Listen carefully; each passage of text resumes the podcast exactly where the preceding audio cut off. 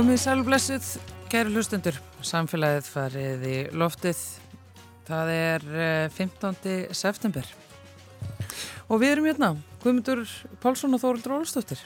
Nefnilega.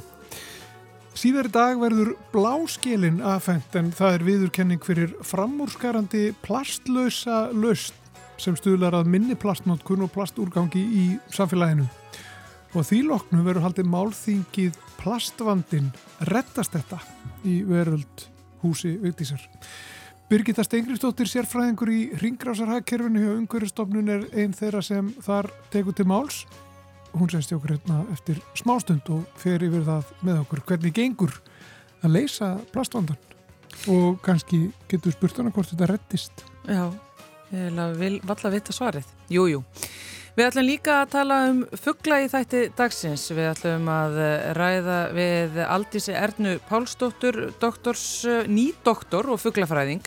Hún rannsakaði hvaða áhrif skórækt, sumarhús og önnur mannvirki hafa á þjertleika fuggla meðal annars allra okkar helstu sumarfuggla á Íslandi hverfur sömarið með þjertleika sömarhúsabegða og skórakt. Eh, mm. Við fáum að heyra meira því hér og eftir og meira fugglum við ætlum líka aðeins að fjalla um fílsunga í þætti dagsins.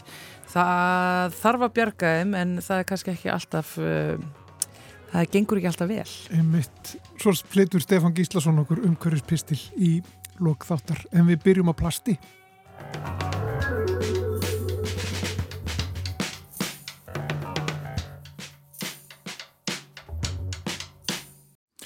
Og þá er hún sest í okkur Birgitta Stengurustóttir hjá Ungverðistofnun, verður velkominn til okkar. Takk fyrir kjalla Núna er plast í, í fókus, það er plastlös eftirmer um, og um, já, margir er að velta þessu fyrir sér núna. Uh, hvernig er þetta að minka nótkun á plasti, hvernig hefur gengið að minka nótkun á plasti, það hefur ímislegt verið gerst og ímislegt hefur gerst getur þú lagt mat á það bara hvar veru stött í, í þeir svona leiðangri sem gengur út af það að minka plastnótkun? Já, þegar stort er spurt, Guðmundur.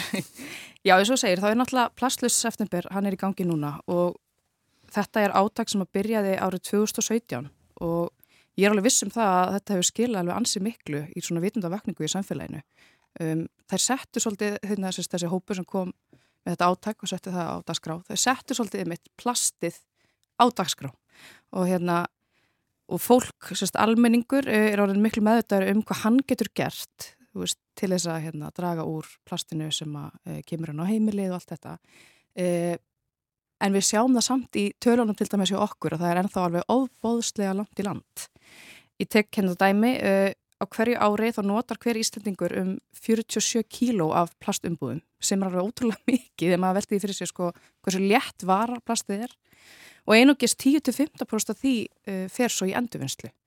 Þannig að við erum bæða að nota ennþá alveg gríðarlega mikið af plasti og rosalega lítið hluti að því að síðan fara aftur inn í ringgrúsuna þar að segja í endurvinnslu. Og þetta er auðvitað ekkert eitthvað vandamál almennings eða vandamál eitthvaðs ákveðins hóps. Þetta er risastórt vandamál sem að þarf einhvern veginn að tækla á kerfisbundin hátt. Og við erum svolítið spennt fyrir því núna eins og ég segi, eh, bæði plastlöseftumber og við svo sem í okkar vinnu líka höfum svolítið verið að tala til almennings hvað almenningur getur gert. En nú fyrst okkur svolítið komið að með fyrirtækjanum, að atvinnulífinu, að þau takir núna svolítið boltan og farið svolítið að skoða hvað þau getur gert til þess að draga úr plastnótkun. Þau þurfa náttúrulega að bjóða okkur upp á lausnir þannig að við getum, við þurfum náttúrulega til dæmis að kaupa mat og ymsa vörur en við getum gert það þannig að við séum ekki að fara með allt þetta plastflóð inn á heimilið. Já, við höfum náttúrulega, við vitum það að plastpókarnir, mm. þeir eru í verslunum, þeir eru hornir, þessir, þessir eiginlegu plastpókar. Akkurat. Eh, það var eitt skref, mm. eitthvað hefur nú verið gert til að minka umbúðir Eh, ekki satt? Jú, það sko núna í fyrra, júli í fyrra, þá innletu við hérna, tilskipun Evrópusambandsins um bann við tilteknum uh, einnóta plasturum og það var í rauninni sett á, þessi tilskipun kom til vegna þess að það voru ákveðnar einnóta plasturur sem voru að finnast á, á ströndum og í hafinu í Evrópu. Uh, og það var sérst, ákveð að banna þessa vöru, þetta er til dæmis eins og rörin og, hérna, og þetta sem við höfum heyrt mikið í umræðinni og, og setja í rauninni e, gjaldskildu á aðrafurur eins og einnota e, mál hérna, drikkjamál og, og svo leiðis. Uh, þannig að, jú, það hefur verið gert og, og þetta er samt, uh, maður hefur alveg heyrta að fólki finnst þetta kannski ekki alveg nógu sko langt gengið. Uh, en þetta er náttúrulega bara ætla til þess að ég segi, tækla þessar hluti sem er að finnast að svo miklu leiti í, í náttúrunni. Og þetta ánáttúrulega íta við atvinnulífinu að, að þau fari þá að hugsa í, í nýjum lausnum og, hérna, og, og innlega það svolítið í sína hugsuna að, hérna, að það er kannski eitthvað annað í búði heldur en, heldur en plast mm. og Hvað með bara að sparka í atvinnulífið uh, miklu fastar í staðan fyrir að vera eitthvað íta viðum og setja bara einhvern svona hörð viðulög við bara plastmagni, óþara plastmagni í umbúðum og framleiðslu og, og, og allri framsetningu? Já, þetta er mjög góð hugmynd þorður. Já, ég, ymmið, það er náttúrulega alveg hægt að, hérna, að vera endalist með bóð og bönn og ég er alveg sammál því að það þarf klárlega að gera að meira í því og það er spurning uh, hvað Evrópussambandi gerir núna næst. Við erum náttúrulega mikið til að innlega þessa tilskipanir frá þeim að því að náttúrulega langmest framlýsla því plasti sem er í umferð hérna á Íslandi kemur ekki, þú veist, það er ekki framlýtt á Íslandi mm -hmm. framlýtt út í Európu en hérna, uh, en ég er alveg sammála því ég veist sérstaklega, hérna, það er rosalega svona mikil, mikil fókus á það út í Európu sérstaklega að svona auka hlut sko endur unninsplast í umbúðum, að því að plast er ekki træðilegt efni. Við erum bara náttúrulega að nota það svolítið vittlaust og, og við þurfum ekki sko alls ekki, við alltaf alls ekki við því að það sé svona ótrúlega mikið af nýju plast í umferð. Við þurfum miklu frekar að hérna, auka hlutfall endurins plast til dæmis í umbúðum. Mm -hmm. Þannig að til dæmis að lögfesta einhvers konar hlut, hlutfall hérna, veist, 50% endurinn hlutfall í, í plastumbúðum eitthvað stíkt væri náttúrulega bara frábært. Mm -hmm og vonandi verður það gert Við sjáum þetta samt vera að gerast í einhverju mæli, er það ekki? Það Jú. eru til dæmis sumir drikkir sem eru í plastumbúð sem eru í endurunum umbúð Nákvæmlega. Þetta verður einmitt hlutur af þessu, þessari tilskipun. Það var þess að uh, í rauninni voru drikkjaföru umbúðunar og plasti. Þar voru hérna adressaðar ef við lefum að sletta, sérstaklega. Að það er sérst krafa um uh, 25% endurvislu hlutfall í þeim fyrir árið 2025 Þannig að það er allavega komin eitthvað svona gangur á það en það er alltaf ætti klárlega að ganga lengra og fara sest, með þetta yfir allar plastumbúri. Ég veit til dæmis að samtök plastfremlegandi í Evrópu hafa kallað eftir því að lögfesta 30% endurvinnslu hlutfall e, sest, í e, umbúðum í Evrópu. Það verður alltaf frábært að sjá eitthvað svona framsækið, framdæk eins og það sko. En má ég bara spyrja vanandi svona lögfestingur og þar, hvernig við Við fyrum alltaf að fleia fórsturum einhverja hérna, fyrirtækja í fangelsi fyrir að bjóða upp á allt og mikið plast í, í, í því sem þeir eru að selja eða bjóða fram eða mhm. nota í sinni framlöðslu. Já, þú veist að meina með svona já, eftirfylgni og viðlög og svona þess. Já, það er náttúrulega bara eins og í þessu, þessari tilskipu sem er núna komin sagt, inn í Íslensk lög og er út í Európu og það, það er enginn þannig uh, viðurlög, er náttúrulega svo sem kannski eftir að móta eins og okkur, veist, en, en við erum frekar að reyna að fá bara atvinnulífi með okkur, að við erum ekki með, veist, eitthvað svona bóð og bönn allavega til þess að byrja með. Við erum náttúrulega öll bara svolítið að feika okkur áfram í þessu málum, við vitum öll að plast er vandamál, uh, en það sem er svolítið flóki er að vita hvernig við eigum að tækla við þurfum náttúrulega umbúðir eins og fyrir mat og svo les, þannig að við erum svolítið öll að reyna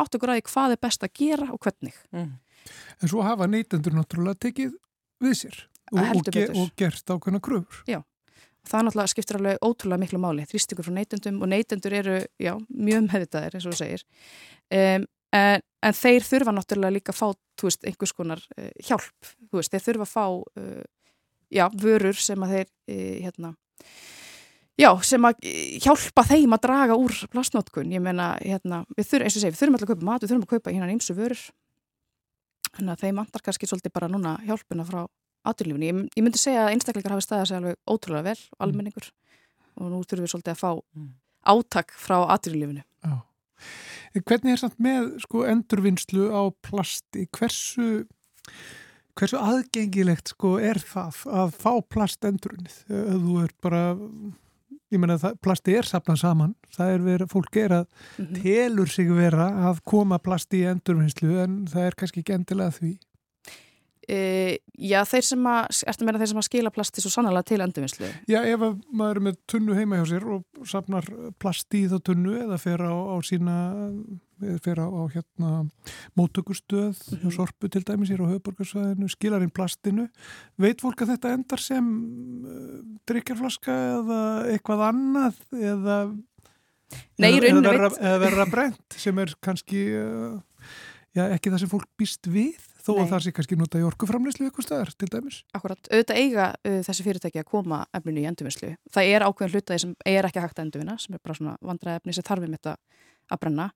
Eh, nei, í rauninni, ég bara veit ekki hvort að við getum vita, ég held ekki, skilur, sko, þú veist, í hvers konar hérna, vörur þetta er síðan nýtt, skilur. En þetta á sannarlega að fara í endurvinnslu. Já, og það er hægt að treysta á það eða hvað? Já, ég ætla nú bara rétt að vona það. Ég ætla að við fréttir hérna fyrir tveimur árum sínd okkur annað. Uh, ég veit ekki betur en að þetta hérna, uh, sé allt í góðu lægi og vona það. Mm. Að þeir sem að segjast vera að senda plast í endurviltu séu sannlega að gera það. Þetta er kannski annað að því að við vorum aðeins að tala um svona ströngu viðlög og bóð og bönn að það sé sannarlega gagsægi Mm -hmm. í því að hvort sem að það eru einstaklingar að atunlífið sem er að minga plast eða koma plasti frá sér að, að, þeir eh, móttakendur plass og endurvinnslu geti sínt fram á það með bara skotheldum gögnum að þetta sé raunverulega orðið að einhverju endurvinnanlegu Já, dóti. algjörlega. Ekki bara eitthvað svona vandamál annars það er í heiminum. Nei, akkurat. Það er bara, þetta er mjög góð hugmynd til þess. Ég vil fá svona myndavilar inn og, inn og, inn og allar svona endurvinnslustöðar og svona það sem maður getur svona fylst með bara já, hér er verið að gera Akkurat. hlutina. þetta er náttúrulega svolítið flækistið að þetta fer hérna á, á marga staði og til Já, marga já. landa og svona, en þetta er sannlega eitthvað sem að En tröst er náttúrulega bara líkil atrið Algjörlega. Þegar við höfum náttúrulega eins og þú vísar í þarna þessar fréttir sem að voru fyrir tveimur árum, það var bakslag. Fólk Algjörlega. hefur stóð bara fyrir framann ruslaföturna sína með skýrdolluna og hugsaði, akkur er ég að þessu? Mhm. Það skiptir engum máli. Akkurat. Já, það er alveg rétt þér. Tröst skiptir öllu máli og gagsægi. Mm og hérna um, annars nennir fólk ekki að standa í þessu, það er alveg rétt þannig að já, ég vona svo sannarlega að, að hérna, allt plast sem við setjum í tununa fari í endurvinnslu En plastefni sem eru notuð eins og í, í sumarum búður utanum um matvæli og Mhm. þess að þar sem að ja, það eru mertar með mismunandi merkingum þessar, þessar umbúður og sumt bendi til þess að, að það sé betri kostur en annað eða hvað? Hvernig er sumt plast betri en annað?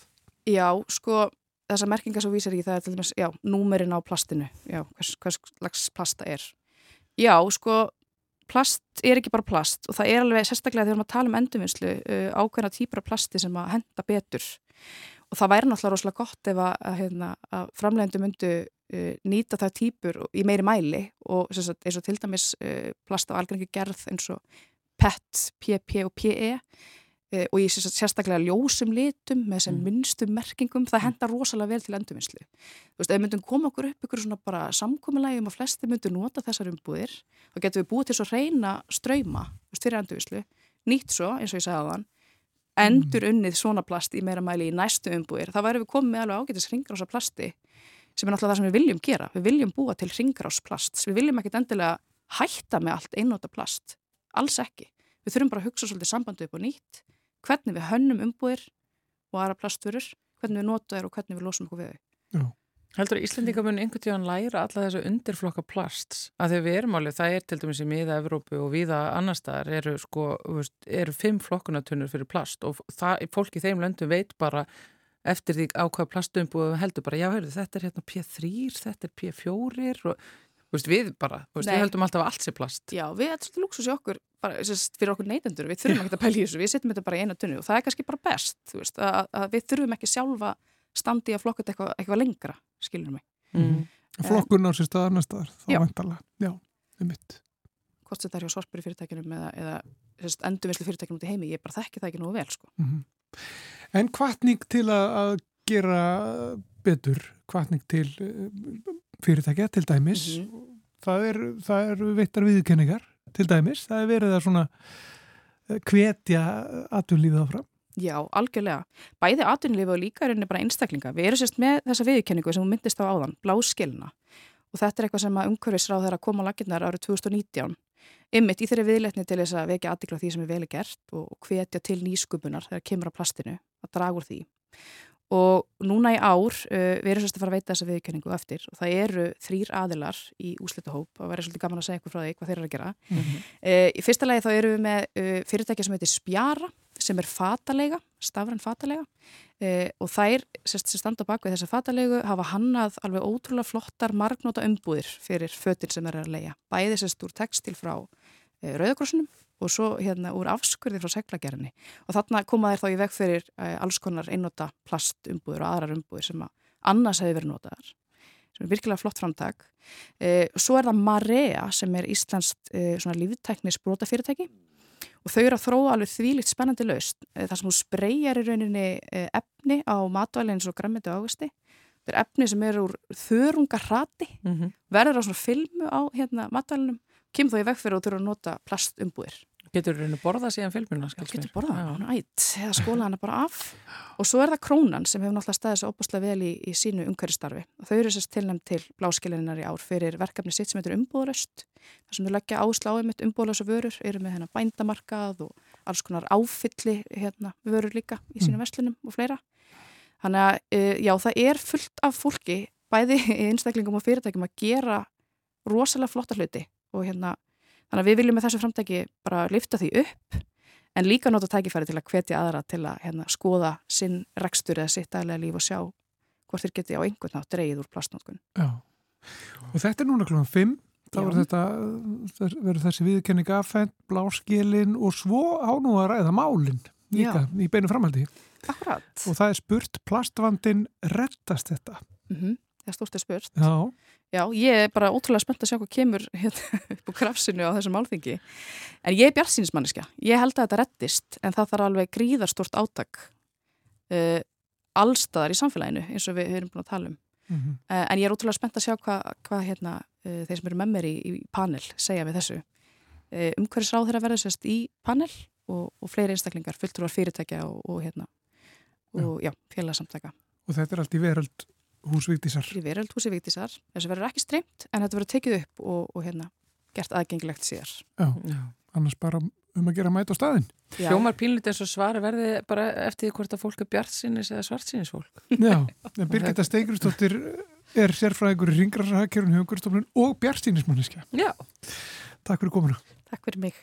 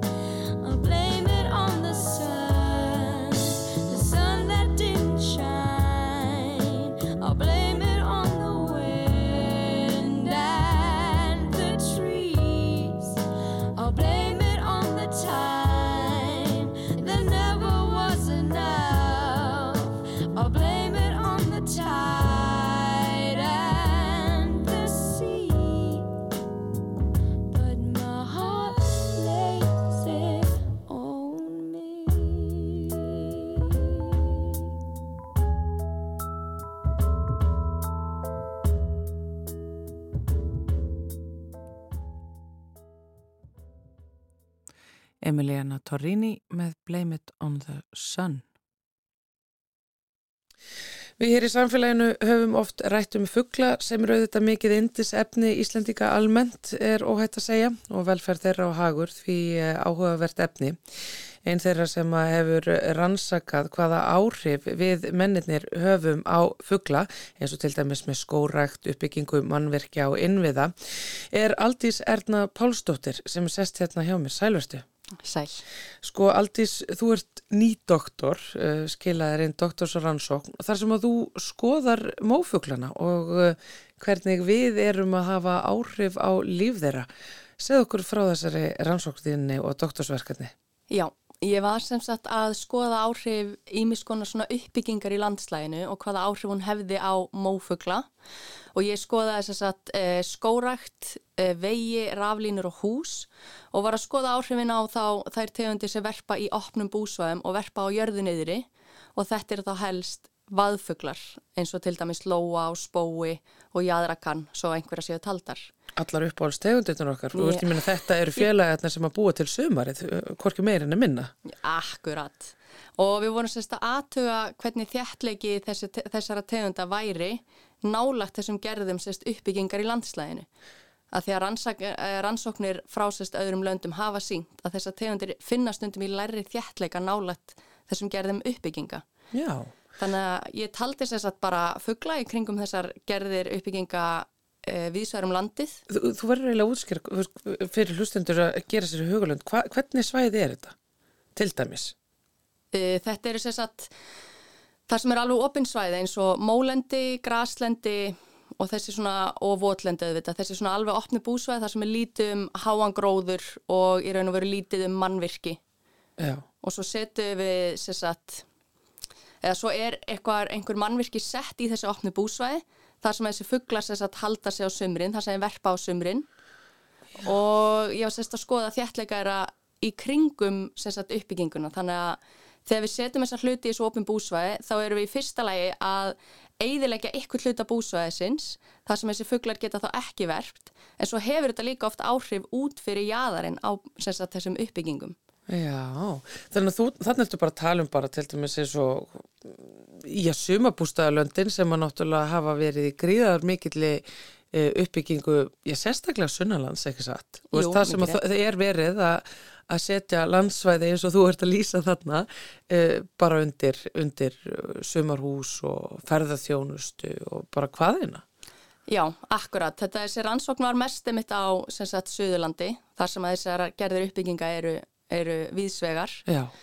og það kom í ljós að í kringum allar þessar eh, öll þessi nývirki sem ég nefndi þá er þjættleiki þessara fuggla að meðaltali lærri nálagt þessum þessum hlutum, þannig að við tökum sumarhúsin sem dæmi. Ef þú setur eitt sumarhús uh, út í svona opið búsvæði, þá er lærið þjættleika fuggla alltaf 200 metra allt í kringum húsið. Þannig að alltaf 200 metra frá þessum gerðin, sérst skórekt og húsum og fleira, þá er þjættleikið er að læri. Og þegar þú ert að tala um þjættleika, ertu þá bara að tala um, veist, sem er einfaldið þetta rosalega, hvað, að sögmarhús drepi fuggla eða, eða komi í vekk fyrir að þessu til? Eða... Nei, þetta er sérsagt bara fjöldi fuggla og það eru færri fugglar og við vitum í raun og veru ekki af hverju það er. Það getur verið að sé einhver áhrif frá þessum hlutum, að getur verið að fugglar sem að verfi þarna, þeim gangi verð að sérst, klekja út eggjónum. Það getur verið að sé meira geti af þeim eða eitthvað slíkt. Svo getur þetta verið bara haugðun, að þeir bara forðist að vera nálagt þessum þessum gerðum uppbygginga eins og húsum og, og skóum og fleira.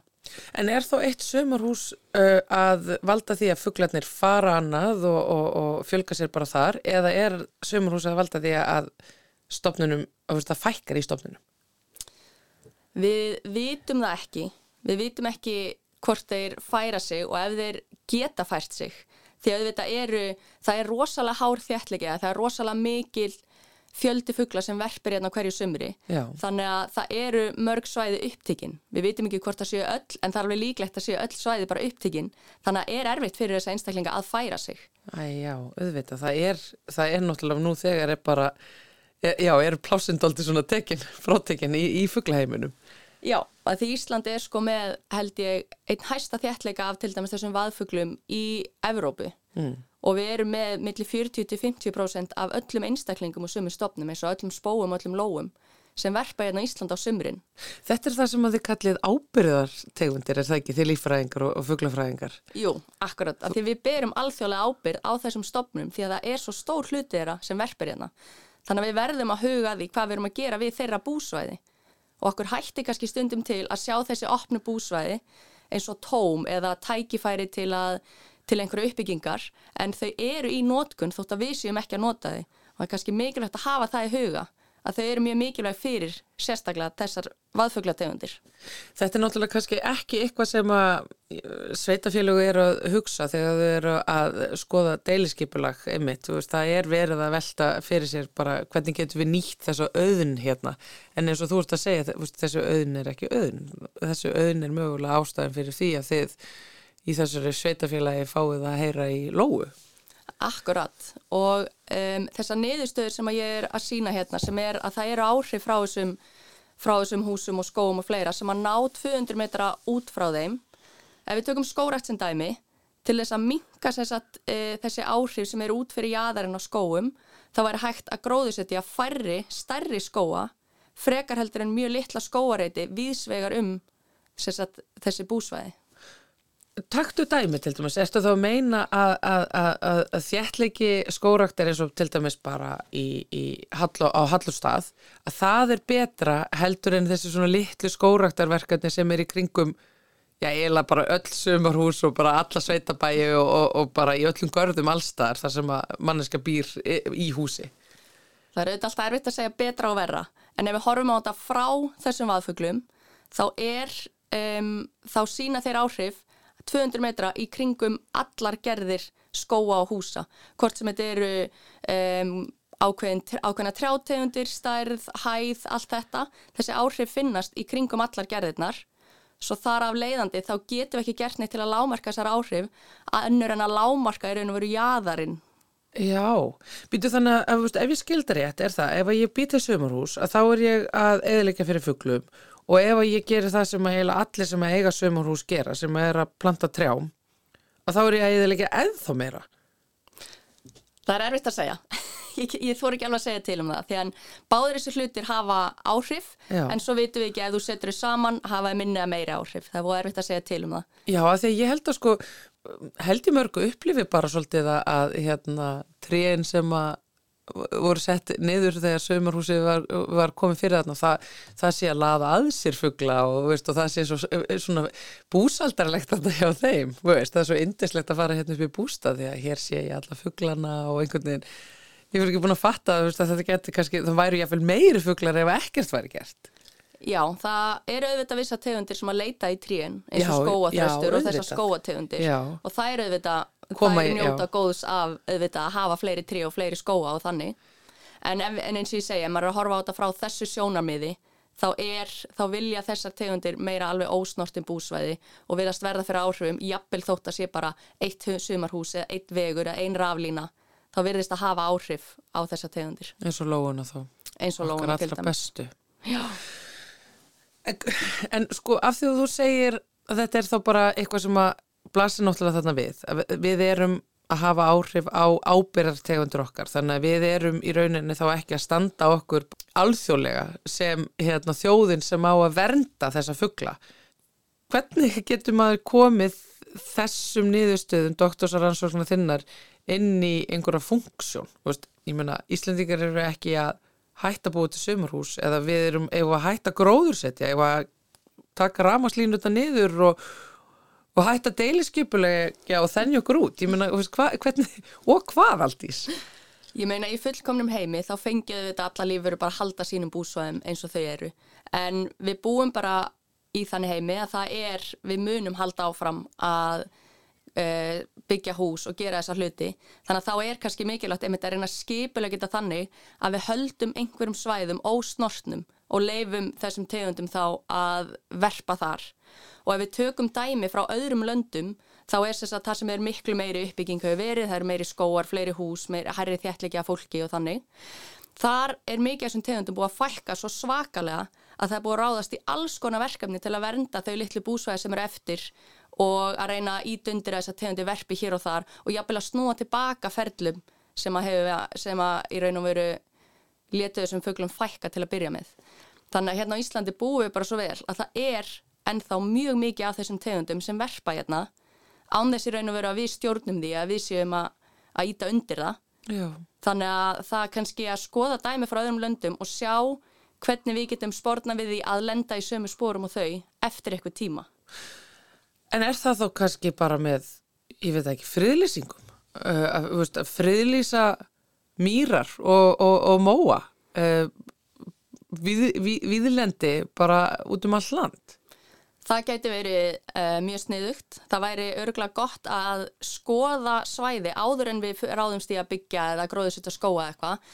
Aðtöa hversu mikið er af til dæmis þessum fugglum og öðrum tegundum aðna og auðvitað með eins og skórækt þá, er, eru mjög margi kostir sem koma að því að gróðusitt að skóa þannig að það frekar hann að hætta því þá þarf kannski bara skipulega geta út frá því að þetta hafi sem minnst áhrif á þessa tegundir til dæmis með því að friðlýsa svæði þar sem að þjættlíkin er mjög mikill eða þá einmitt að reyna kannski já, að setja þessar uh, gerðir eins og setja sumarhús kannski frekar í sumarhúsa hverfi þar sem eru hús nú þegar frekar hann að setja þau öll í algjörlega opin og nýtt búsvæði eins og eins og sömu myndi kallaði. Já, þannig að þú ert að tala um bara þjættleika sömurhúsaböða. Já, til dæmis. En sko, bara aðeins að ég staldri við veist, að varðandi þetta með skóraktina, að það sé ekki hægt að bara setja skórakt hvar sem er. Veist, það eru ákveðin svæði sem eru þekkt með að leika fugglafræðinga sem er mikill þjættleiki. Getur eins og til dæmis hvar? Hvar eru bara þjættleiki þessara uppáhaldsfuggla okkar mestur á Íslandi? Það er aðalega á sagt, Suðurlands lálendinu. Þar eru mörg svæði en þar er líka mikil uppbygginga í gangi. Það vilja allir vera á Suðurlands lálendinu. Já. En fugglarnir eru þarna fyrir. Þetta er, þetta er, þetta er svo snúið alltís. Þegar, hvernig eigum við ekki að nota besta sumarhúsarsvæði á landinu? Besta bara byggingasvæði á landinu? Menna, þetta er bara heitur heitur. Já algjörlega, en það er kannski hlutverk annara ákvæða hvernig við gerum þetta, en það er kannski bara gott að hafa það í huga að ef við erum að setja hluti í þessu opni búsvæði þeir munu hafa áhrif um, ef þau bæði þar sem að svæði sem er í raun og veru þar sem að hluturinn er settur og daldi lengra út fyrir það ja. og kannski gott bara að hafa þetta í huga við skipulagningu og reyna að venda þessi svæði en eins og ég segi, ég er kannski ekki sérfræðingurinn til að ákveða hvernig á að leysa þessi mál. Nei, þú ert eins og sérfræðingur í fugglum. Eh, hvernig viðmóti mætir þú hins vegar hjá eh, sveitafélagunum og, og byggingastjórunum og skórektarfólkinu og, og, og áhuga fólki um, um, um uppbyggingu sömurhúsakverfa og veglegninga og raflína? Sko ég persónulega hef ekki upplifa neitt nema bara gott viðmót. En það þetta fer bara eftir svo sem fólki. En hérna eins og þegar ég er að fara inn á lönd hjá fólki til að fá að telja fuggla og svona þá finnst mér allir mjög jákvæðir fyrir því. Og þeir hafa mikið áhuga hvað við erum að gera. Og þetta verkefni var til dæmis styrt af vegagerðinni til að rannsaka áhrif vega á fuggla þannig að mín tilfinning er svo að svona þorri landans vilji varveita þessa fuggla og vilji varveita búsvæðin þeirra en það vantar kannski bara upplýsingarnar hvernig við getum gert það á bestan hátt. Já, en heldur þú að, að þetta doktorsverkefni þitt muni mitt breyta einhverju? Að, að, af því þú segir, sko, það eru aðri sem að þurfa að taka sér ákvarðanetnur út frá því. Heldur þú að, að þetta muni leiða til ákvarðana þar sem að við munum kannski friðlýsa resastór svæði á Suðurlands undirlendinu? Maður vona það þetta alltaf og þetta er fyrsta rannsóknin af þessari gerð sem er gerð hérna á Íslandi. Og maður vona kannski að þetta veri þá upphafi að því að við förum að tala um þessa hluti og þessi jáðar áhrif eins og ég nefni að það séu áhrif sem ná út fyrir þessi nývirkja það eru að hús og skóar og fleiri hafa áhrif á meira svæði heldur en bara svæðin en það segir eru. Og ef við gerum þetta ekki aldís hættu við að heyra í lóu og rosagauk og og spóa? Það er bara því miður það sem hefur gerst í mjög mörgum löndum að þessi fugglar hafa næstum horfið af vissum svæðum en hrossagaugunir reyndar verpir að einhverju leiti í skógi þannig að hann ætti að vera í góðum álum í byli en þetta eru kannski aðra tegundir sem við erum frekar að tala um. En aftur, þessar tegundir eru sumarið. Við erum bara, við, við stöndum einhvern veginn fram úr því að eiga sumarhús eða sumar. Við þurfum að nánast bara velja á milli. Já, það bara, því miður er ekki endalist svæði á landinu fyrir, fyrir allt sem við viljum. Fyrir öll sumarhúsin og alla fugglana og alla uppbygginguna og allt sem okkur langar til. Þannig að það þarf auðvitað að fórna einhverju ef við viljum varðveita náttúrulega búsvæði þessari tegunda. Mm. Hafandi verið í þessu doktorsverkefni aldís og, og, og farið og talið og kíkt á þessu fuggla og, og væntalega náttúrulega verið mikil áhuga mannesku um þá og þú veist, ertu, finnur þú fyrir leiða og einhverju svona mennskri skömm yfir því hvað við erum plásfreg og erfið? Algjörlega. Það er alveg rosalega sorglegt hvernig kannski okkar e, þarfir eða það sem okkur langar trompar alltaf náttúruna og dýralífið. Og ekki bara hér, heldur bara allstaðar. Við erum rosa plásfreg eins og segir og við þurfum rosa mikið alltaf að vera á útþenslu og það er váð sorglegt auðvitað. Já, þannig að skegði það á verkefni doktorsriðgerðina, doktorsrannsóknuna allra. Mér finnst þetta, þótt að þetta séu þetta mjög sorglegt að fylgjast með þessu, þá finnst mér ég líka hafa séð það að hjá landeigundum, sérstaklega, þá er rosalega mikill vilji fyrir hendi að gera allt sem við getum til að varveita þessar tegundir. Þannig að þrátt fyrir síðan plásfreg og við erum að þennjast út og svona, þá held ég að okkur langjallum að gera betur og ég, ég er ennþá bjart sín, en spurum eftir tíu ár. Ég bara bókaði hingað þá til okkar í samfélagi þanga til. Aldís Erna Pálsdóttir, nýdoktor og fuglafræðingur. Takk hjá það fyrir spjallið. Takk fyrir.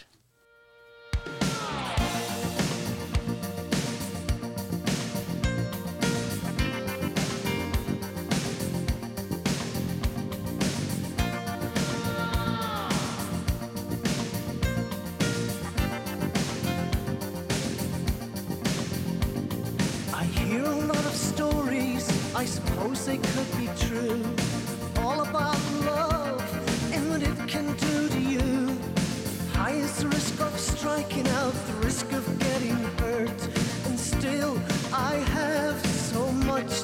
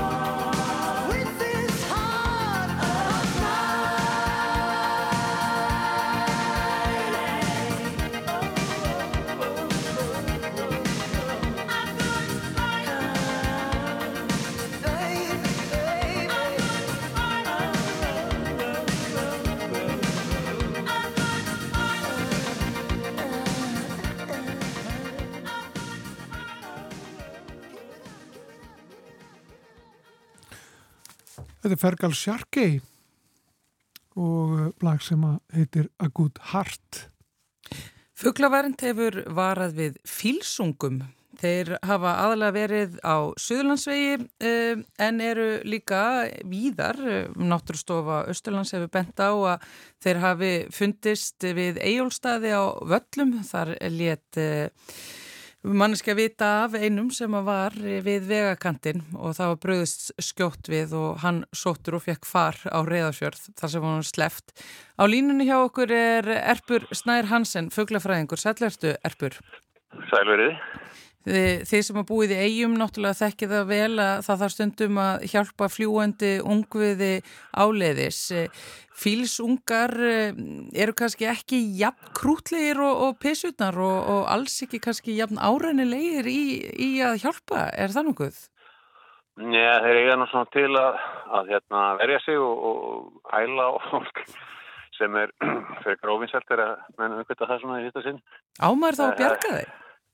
Já, já, það er alveg að ná í það á, sko, með að platta það svolítið, en það er ágætt að þú hefur ekki í reynstuna þá fara svona rólega sem við henda bara kassi yfir og aðeins málið er að þeir ná ekki æli við sjálfa sig, þá, þá er þetta búið það. Býtu á hverju? Býtu, hverju er þetta búið hjá þeim? Skrútar, drulla sem er mjög erfitt að vinna úr þeim og, og hyrinu sko, þeir, þeir eru, það missir vassvörnina og þá, þá hérna Ekki, þetta er ekkert gert neitt meir, það er bara, þeir eru, dagar þeir eru taldir nema þeir fá einhver þrif og, og það er mjög takmörk aðstæða til þess núna að, að þrýfa fugla. En af hverju er þetta vesen á þeim? Af hverju eru svona ósarberga greiðin?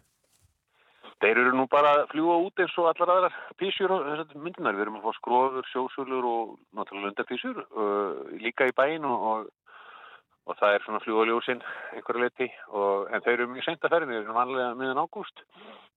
En, en það er svo senkað allir sömar hjá, hjá þessum fuglum. Og, og þeir eru þeir sýtur svona bara eins og, eins og krút á miðan vegi og, og eru, eru náttúrulega hætt eins og allar, er fugla sem að sem eru svona bara strandi, einhver starfinn í bæi eða innan hverjum sko kringum hönduna þannig að það er bara gustöka verk að koma þessi á sjó Eða þá er þetta með að hefja svo loft? Já, þeir eru óttalegir auðlar þessir síns mér sko, þeir eru uh, undir vikt og, og eiga ekkert auðvöld með flug, þeir eru svona, þetta er fyrst, þeirra fyrstu spór eða hvað sem er, vangtök uh, í, í lífinu þannig að þeir eru náttúrulega reyndir sko. Mm -hmm. Það er ágætt að leða og komast að sjó þá eiga þá allan að sinns séns uh, og ánum suður á landinu, það er, það er best að sleppa það með átnar þegar maður er að gera suðnarsveginn það er það sem þetta, þessi björgunar hópur hefur verið að gera svolítið undir verið. Jáhá. Björgunar hópur, er sem sagt þá bara sér útbúin björgunar hópur uh, sem hættir sér uh, sérstaklega í fylsungarna sem spýja? Já, þetta var svona einhver fjölskyldaði vinni sem tók upp á sig fyrra, ég er svona sándun aðalega bara Facebook er svona eftir en, en þau settu sér í samvættu fuggluvend og, og, og þetta, þau eru að vera að reyna svona vekja aðtikli á þessu og, fara þannum og, og, og dýna það upp og setja það bara næstu á. Þeir eru svolítið kerðið niður hérna á, á söglasegina, það er svo mikil hraðið þarna. Já, það er nefnilega svo hræðilegt og maður sér það og heyrir það á heimafólki að það er, það er rosalega leiðilegt að sjá dauðan eh, fílsunga úti í, í vegkanti, sérstaklega því að veist, þetta eru mjög merkilegir fugglar og jú, það er búið að hafa mikið fyrir þá og ala þá. Já, já og þeir verða mjög, mjög gamleir eða ná að koma svona í fyrsta árið. Þetta þeir verða svona melli 40-60 ára gamli sko. Uh, og, og hérna byrjum ekki verpa fyrir 9-12 ára en þeir eru svona næstu þessu fólk sko í, í svona langlífi. Já. Hvernig er annars bara lífsferillin hjá Já, þessari tegund? Já.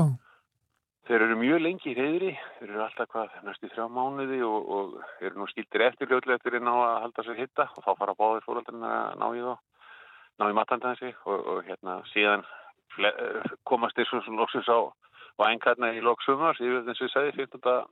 ágúst síðan faraði nú víðan völl og, og, og hérna við vitum nú lítið um ungana því að tækið sem við setjum á hugla eru vilt þannig við náðum við aftur og ungarnir kom ekkert í þetta heiður sem að, e, þeir fæðast í aftur þannig að það er svolítið erfitt átt að sjá hvað ungarnir gera hérna hefst árið en fullotna huglarnir er að fara norður í Barentshaf og langt í, í norður, í, í, norður eftir hérna langt yfir sko heimskursbögg og eru það í myrkri að geta eitthvað, einhver kynni sem eru sjálfsandi sko. Já, og eru bara á sjó? Já, já, þetta er, þeir eru eins og allir sér sjófuglar, þetta eru rétt koma til landsað að hérna verpa og eru sjó nýjum mánuði orðsins og einhver stað er langt, langt í burtu. Mm -hmm, ja, þetta eru mjög aðteglisverð dýr sem við erum að komast að núna hvert er að fara með þessu nýju tækni sem að natturítar sem við verðum að setja mikið á uh, 11 tegundi núna undan farin uh, síðan 2014 og meðal annars vikið íslenskum fuglum sem hafa verið með í þessu svo kallega sítrakkverkefni. Þetta eru gríðilegt áttak sem er gangi og við erum bara kortleggjaður um alltaf þessar sofaglategundir. Hver, hver eru þær og hver fara þær og, og svo framvegs. Þetta er voðalega forvitni í okkur mönnunum yfir hvað þessir vinnur okkar er að aðhafast svona þegar þeir eru ekki beint fyrir augunum á okkur. Já, þetta verður svona misteri að fangalli núna, þannig að þetta er, þetta er svona skemmtilegt að sjá hvað, hvað er raunverulega er að baksa. Já, og þess þá heldur einmitt að reyna að hjálpa þeim þar sem við sjáum þá. E, e, fólk er náttúrulega aðstóða ungviði svo sem þú segir eins og pissutnar og skrofurnar og, og fílsungarnir líka endilega hjálpa þeim. E, það er samt ekki fyrir kannski byrjandur en þeir sem að hérna, sjá fílsungar geta líka haft samband e, við fugglavernd fengið aðstóðu upplýsingar á netinu og, og eins og segja alls ekki bara keira þá eða skilja þá eftir greiðin. Þeir það búið að hafa mikið fyrir þá að búa þá til, komaðum og legg, fita þá svona vel, endilega hjálpaðum út á sjó. Já, það er vel sagt. Erpur Snær Hansen, takk kjærlega fyrir spjallið hérna í samfélaginu og bestu hvað er út í eigar? Sumulegist, takk. Læst.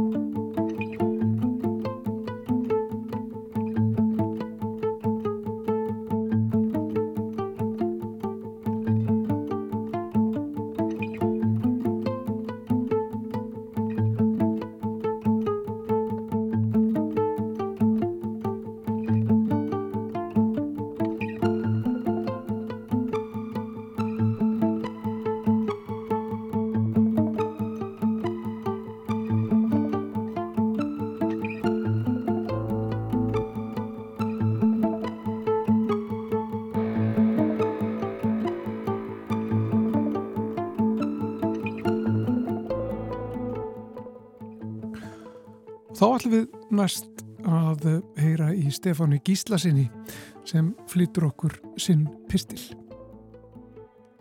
Í síðustu viku byrti skrein í vísindaritinu Cell Reports Physical Science eftir hóp vísindafólks við Illinois háskólinni Chicago og fleiri sérfræðinga þar sem sagt er frá aðferð sem þau hafa þróa til að breyta koldioksiði í útblæstir frá verksmiðum í etílen, öðru nafni eten.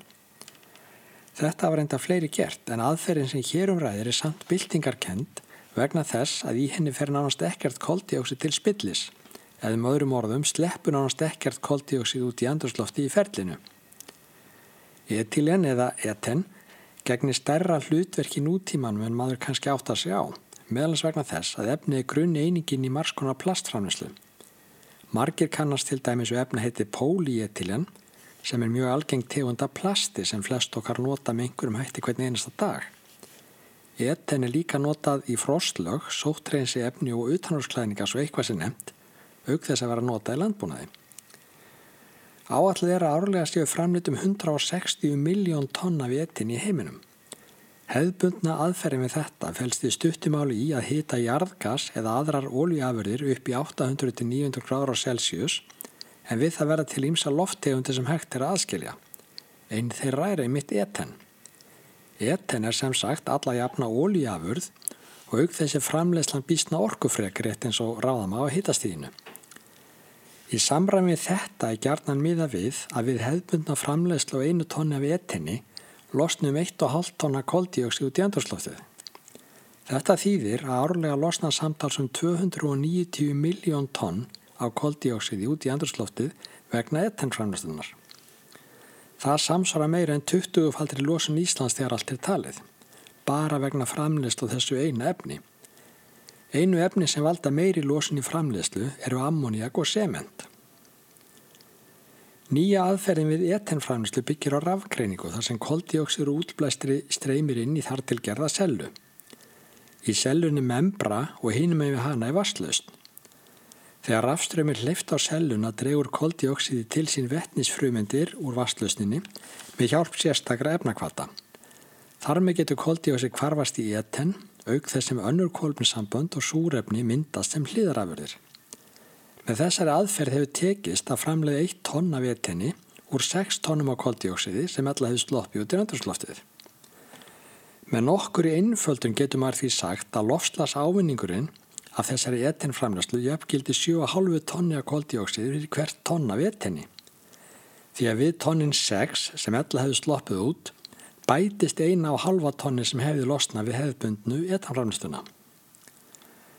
En svo áður segir þetta enga veginn í fyrsta sinn sem etenni framleitt úr koldioksiði en nýtingin í þessu ferli er hins vegar miklu betri en áður hefur sést. Þannig sem satt verið að tala um hátt í 100% nýtingu en hinga til hefur 10% nýting verið nokkuð dæmigerð.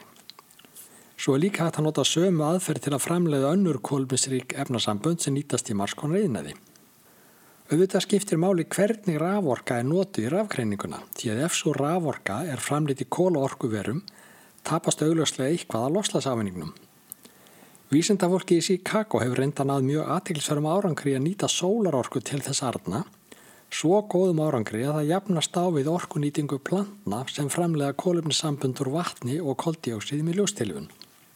Nú er eðlegt að spurt sé hvort svona uppgötvanir fel ekki bara í sér enn eina afsökununa fyrir því að halda áfram að framlega fullt af einhverju drastli sem betra væri, frá umhverjasluðu sjónamiði, að framlega ekki. Það má auðvitað til sannsvegar færa, en samt þarf ekki nema lítinn skamta raunsæði til að átta sig á að hvað sem öllum óþarfa líður muni jarðarbúar ekki minka etenframlýsluna úr 260 miljónum tonna niður í ekki neitt í einu vetfangi. Eða með öðrum orðum, á meðan við höldum áfram að nota vörur og efni þar sem eten kemur við sögum, þá hlýtur vera ákjósanlegra að framlýslan komi í vekk fyrir losum koldjósis en að hún aukjana. Nú er líka eðlilegt að spurt sé hvort það sé kannski eftir allt saman ekkert óskaplega góð hugmynd að farga koldioksíður útblæstri með því að binda það í íslensku basalti eða í einhverju öðru bergi, þar sem það verður vissulega skadalust en um leiði gagslust. Í þessu kildi sjálfsagt sama reglu annars þar, þar að segja að við flókinni spurningu er aldrei til rétt og algilt svar. En ef vali stendur annarkvortum að farga koldioksíðinu eða að framlegur því vörur sem annars verið framleitur í arga sem er tilhændi losnum gróðsálóftegunda þá er líklegt að förgunin sé lakar í hugmyndi umhverfsluðu tilliti. Ekkert er alfæri rétt eða alfæri ránt. Allt er þetta spurningum hvaða valkostir sé í bóði og hver þeirra sé skástur með bestu þekking á hverjum tíma. Saði Stefan Gíslason. En þannig ljúkum við samfélaginu þennan 5. daginn, 15. september Guðmundur Pálsson og Þóruður Ólafstóttir þakka kærlega fyrir sig við heyrumst á morgun, verið sæl